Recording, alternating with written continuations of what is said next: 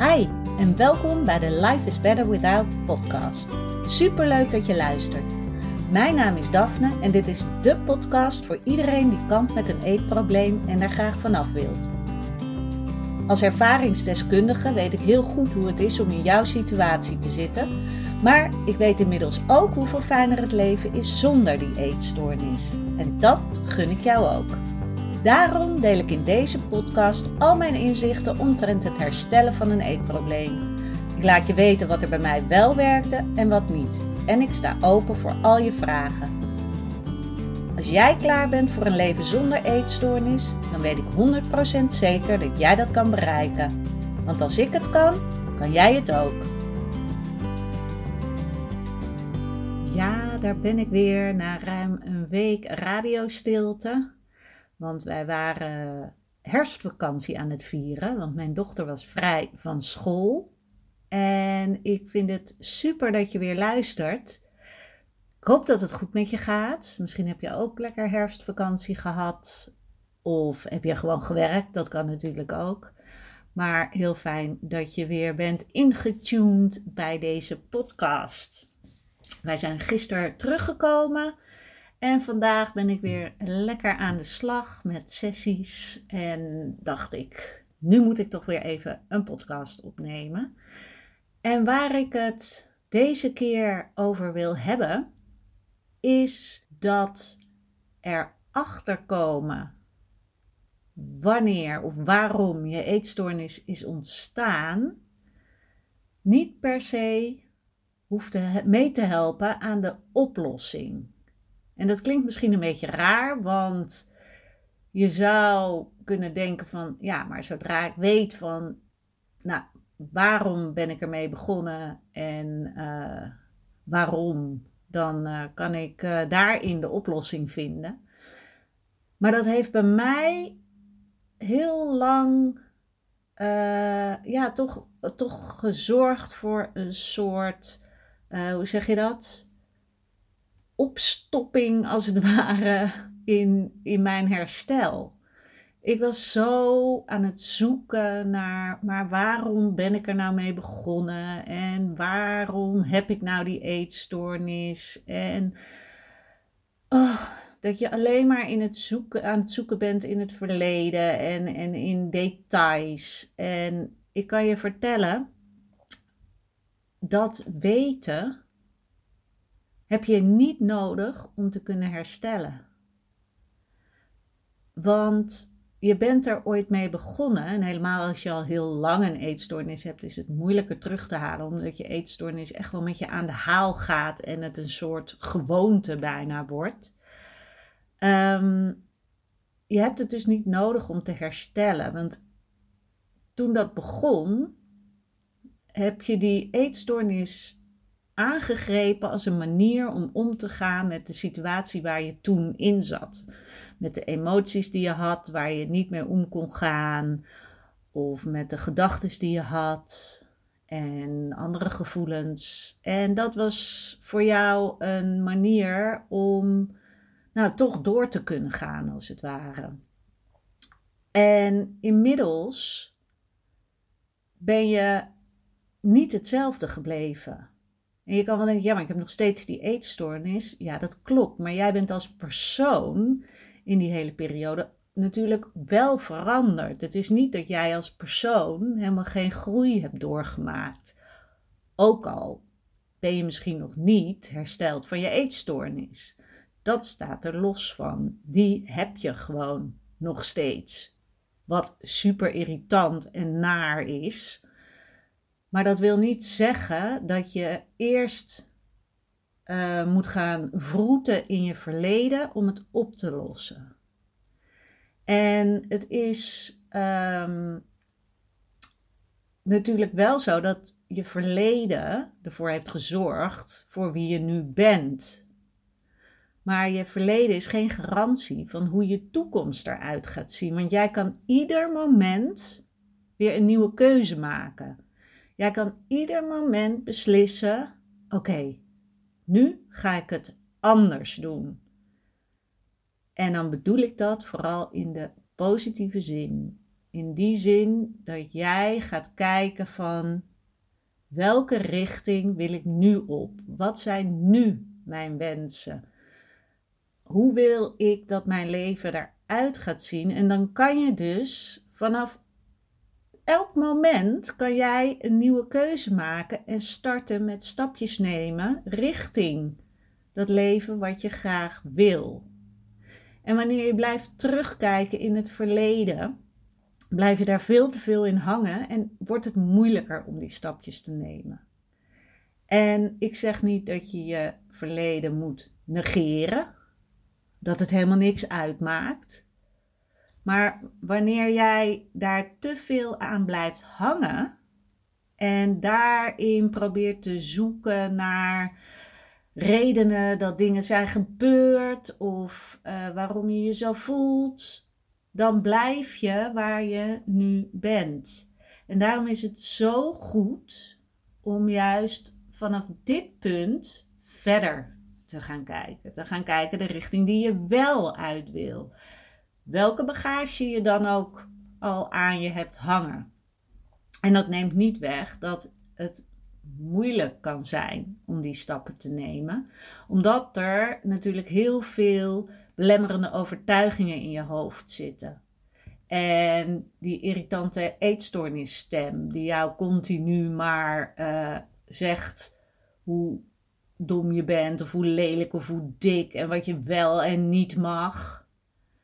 En zelfs dan kan jij kleine stappen nemen. Maar het is inderdaad wel heel goed om te beseffen welke overtuigingen jij hebt. Want daar ben je gaandeweg in gaan geloven. Die zie jij als waarheid. En vaak zijn ze onbewust. Het is er een beetje ingeslopen en nou, jij hebt dat toen als waarheid aangenomen, of je hebt iets zo vaak gehoord, of je hebt zo vaak iets tegen jezelf gezegd dat je het bent gaan geloven. En dat is wel belangrijk, dat je die uh, overtuigingen uh, gaat zien in, de bewuste, in je bewuste staat, als het ware. En dat je die een halt toe kan gaan roepen. Dat je vanaf nu stappen gaat zetten richting dat leven wat jij wil. Dat betekent dat je andere gedachten moet gaan hebben, zodat je andere gevoelens kan gaan ervaren. En, heel belangrijk ook, luisteren naar jouw gevoel, want dat zegt vaak iets over welke gedachten jij allemaal in je hoofd hebt zitten. En het streven is natuurlijk om helpende, mooie gedachten te hebben, waardoor jij je beter voelt, waardoor ook weer het makkelijker is om je gedrag te veranderen. En dus actie te ondernemen richting dat leven wat je graag wil. En door bewust te zijn van die uh, overtuigingen die jou klein houden en die jou tegenhouden in, in dat pad richting jouw mooie leven. Um, zodra jij weet welke dat zijn en dat jij ze gaat opmerken als ze weer in je hoofd oppoppen, kan jij op die momenten makkelijker tegen jezelf zeggen: stop. Dit is een overtuiging die mij niet meer dient en die ik niet meer wil geloven. En door dat steeds vaker te herhalen, kan jij uh, die overtuiging, zeg maar, meer, ja, hoe zeg je dat nou, langzaam uitgummen. Hij gaat echt niet meteen helemaal weg, maar het is heel goed wanneer jij hem herkent, dat je zegt: stop, ho, dit wil ik niet meer, en je focus ervan afhaalt. En dan is het allerfijnste nog als je die focus kan leggen op iets wat jou wel dient. Op gedachten die jou wel dienen en waar je wel blij van wordt. En dat, um, door die nieuwe gedachten vaak te herhalen en te herhalen, kunnen dat nieuwe overtuigingen worden. En dat is ook heel erg ja, wat, waar ik mee werk, gewoon tijdens coachsessies. Want het is zo ontzettend belangrijk dat jij erachter kan komen van, of dat jij, dat jij voelt dat jij de regie hebt in jouw hoofd, in jouw leven, in de acties die jij onderneemt en in je eigen gedachtenwereld. Want jij bent degene die die dingen denkt. Dat is niet iets wat een soort apparaatje is die allemaal gedachten intikt en ploep, daar is er weer eentje. Nee, jij denkt zelf die gedachten. En daarom is het zo goed om je bewust te zijn van wat er in je hoofd plaatsvindt, zodat je daar ook veranderingen in aan kan brengen. En het is, je kan inderdaad werken met, met bijvoorbeeld affirmaties. En wat dan wel heel belangrijk is, is dat je enigszins erin gelooft. En herhaling werkt natuurlijk altijd heel goed. Dan kan je er meer in gaan geloven. Maar het is wel fijn dat je, als je ermee start met een bepaalde affirmatie, al wel een soort van gevoel, ook al is het heel ver weg, maar dat je voelt van ja, ik, dit, ja, ik, ik, ik, ik, ik zie hier wel wat in, als je begrijpt wat ik bedoel. Want als ik bijvoorbeeld zou zeggen, ehm, ik ben miljonair. Ja, die, die, nou, die, die komt bij mij nog niet helemaal. Uh, die komt bij mij nog niet helemaal binnen. Maar als ik zeg, ik kan goed leven van het werk wat ik het allerliefste doe, dan kan ik daar al veel meer in geloven. Dus zoek iets wat bij jou past en blijf dat herhalen. En ga kijken naar de gedachten die jij nu hebt. Zijn ze helpend of niet? Zijn ze niet helpend? Roep dan jezelf een halt toe als die gedachten weer oppoppen. En bedenk je, kan ik hier een andere gedachte tegenover zetten die wel helpend is en die ik ook nog kan geloven? Oké, het is een heel verhaal volgens mij. Ik hoop echt dat je deze voelt. Dat je dus ieder moment in je leven de kans hebt om een andere richting uit te gaan. Om te zeggen: stop, ho, ik wil niet meer wat ik nu heb. Ik ga stappen ondernemen richting dat mooiere leven.